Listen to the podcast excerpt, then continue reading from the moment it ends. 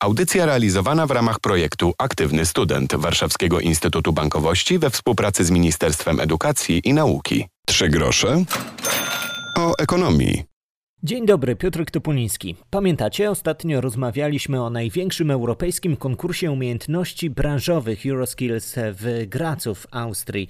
Polacy zdobyli trzy medale. Michał Formela w konkurencji spawalnictwo, Piotr Glasik za florystykę, a Bartosz Wicherek za gotowanie. Były to wszystko brązowe medale, nasi wśród najlepszych w Europie. Gratulujemy. To zachęca nas do tego, byśmy porozmawiali o szkolnictwie zawodowym, byśmy porozmawiali o tym, jak uniwersytety również chcą współpracować z biznesem w kontekście tego, że potrzeba specjalistów na rynku pracy, bo na tym może w przyszłości i to już niedalekiej zabraknąć specjalistów zajmujących się budownictwem, tak dziś w kraju rozwijającym. Sławomir Kaszycki, Unibep, to jeden z ekspertów podczas niedawnego kongresu 590. To ja akurat niestety potwierdzę, to jest fakt, że już dzisiaj y, brakuje nam pracowników, wykwalifikowanych pracowników i czym się bronimy? Oczywiście napływ osób, pracowników z zewnątrz, przede wszystkim ze wschodu, ale także tutaj widzimy w branży budowlanej tą automatyzację, te elementy digitalizacji, robotyki, bo bez tego nie mamy, nie mamy możliwości ani, ani konkurować z innymi potentantami na rynku e, europejskim czy światowym, bo bardzo dużo inwestycji realizowane jest przez potentat, e, przez wielkie korporacje, wielkich potentatów e, światowych, którzy dysponują e, technologią e, bardzo nowoczesną. I tutaj my na rynku polskim także e, zderzamy się z tą koniecznością wykorzystywania i wprowadzania nawet na, na podstawowe budowy całego asortymentu związanego z tak zwaną robotyką czy automatyzacją. De facto są to bardzo, bardzo mało, wiele czynności, bardzo małych czynności, które powodują usprawnienia, bo też bardzo dużo rzeczy wykonują już na, na placu budowy maszyny. De facto dzisiaj się kompetencje oczekiwane od pracowników się e, zmieniają. Ja widzę to w przeciągu ostatnich 10 lat. Dzisiaj e, częściej trzeba się zastanowić, jak przeprowadzić cały proces budowlany, czyli nie rozpoczynać budowy, najpierw trzeba go za, e, zaprojektować na deskach, a w zasadzie w komputerze. Trzeba się zastanowić przy użyciu najnowocześniejszych oprogramowań w środowisku BIM, a następnie pracować. W tym momencie ta optymalizacja już na samym początku może spowodować, że ta budowa będzie wymagała mniejszych zasobów ludzkich, będzie wykonana szybciej, a także przy użyciu większych urządzeń, czy też, czy też nawet i maszyn skomplikowanych. Więc ja myślę, że to mhm. równolegle, oprócz tego, że zmieniamy pewne kompetencje, które są e, wymagane na budowie, więcej praktycznie jest osób, które potrafią obsługiwać e, i są bardziej mobilne, jeżeli chodzi o urządzenia, ale także musimy dość sporo e, stosować tutaj elementów digitalizacji. Ta branża jest w mojej ocenie, stoi przed dość sporą zmianą związaną z podejściem do całego procesu. Więcej się będzie wykonywało tej pracy przed niż w trakcie budowy. W najbliższych latach firmy będą szukały przede wszystkim pracowników o kompetencjach technicznych. Raport World Economic Forum mówi, że na czele zawodów, które będą wiodły prym w przyszłym roku są analityk danych, specjalista w zakresie AI oraz dyrektor generalny i operacyjny, wysoko również specjalista w zakresie transformacji cyfrowej. Stąd nasze pytanie, które zawody mają rację bytu, które pójdą w zapomnienie, no i co z rozwojem IT, czego w tym momencie się uczyć. Jakiś czas temu gościem Kongresu 590 był Dawid Solak z Platformy Przemysłu Przyszłości.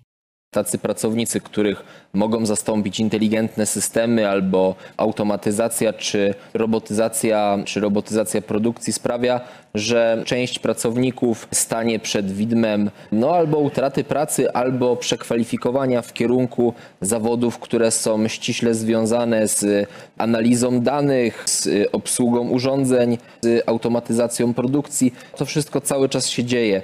Do przysłowiowego lamusa mogą odejść takie zawody jak na przykład pracownicy, którzy zajmują się na co dzień wprowadzaniem danych, pracownicy księgowości, magazynierzy, urzędnicy pocztowi, telemarketerzy, markerzy, kasjerzy, kontrolerzy biletów, to ściśle związane jest właśnie z rozwojem poszczególnych technologii, które składają się na tą czwartą rewolucję przemysłową. Tak naprawdę przed naszą gospodarką i przed naszym systemem edukacji stoi bardzo duże wyzwanie, które jest związane z zapotrzebowaniem na pracowników, którzy, którzy mogliby pracować w sektorze szeroko pojętego ICT.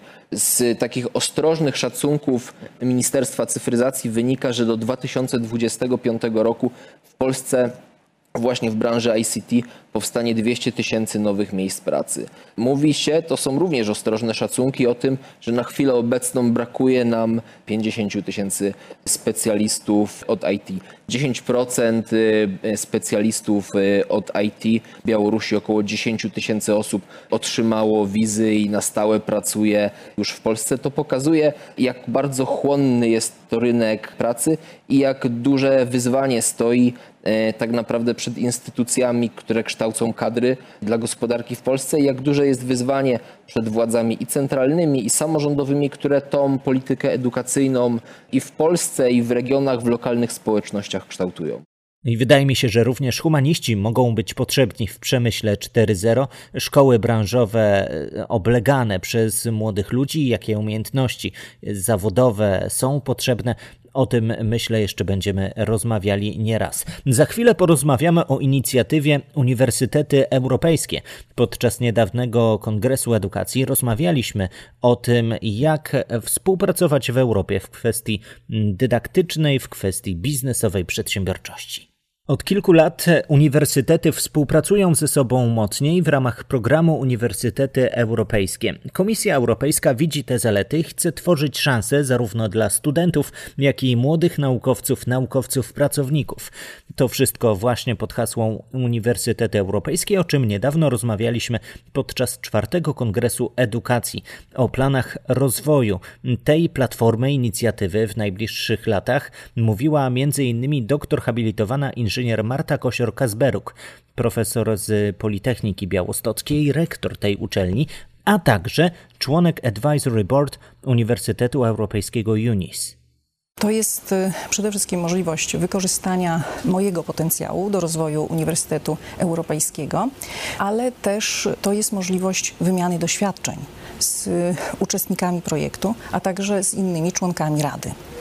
To także możliwość zapraszania przedstawicieli uczelni polskich jako ekspertów do realizacji wybranych zadań w ramach y, konsorcjów.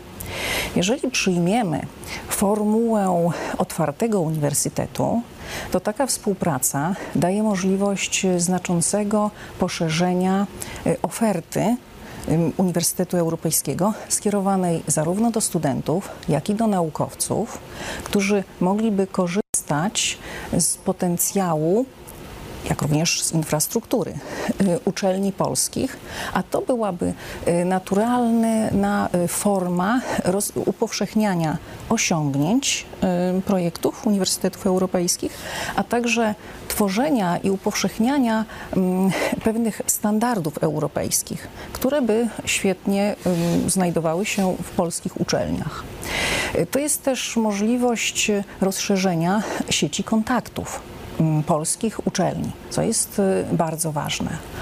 Y, kolejna możliwość, jeśli chodzi o współpracę y, uczelni polskich z uniwersytetami europejskimi, to jest też bardzo konkretne, na przykład wnioskowanie o wspólne granty, szczególnie w konkursach, w których premiowane jest umiędzynarodowienie. No przecież współpraca z Uniwersytetem Europejskim to jest właśnie um, świetny przykład umiędzynarodowienia na wielu polach, o których już tutaj y, była mowa. Y, także y, takie, takie konkursy przecież ogłaszała już NAWA, ale nie tylko. I myślę, że warto dalej poszukiwać takich konkursów. Poza tym współpraca z, kons z konsorcjami y, Uniwersytety Europejskie y, daje możliwość polskim uczelniom y, dotarcia ze swoją ofertą do znacznie większej liczby studentów i naukowców zagranicznych. Myślę, że warto z tego skorzystać.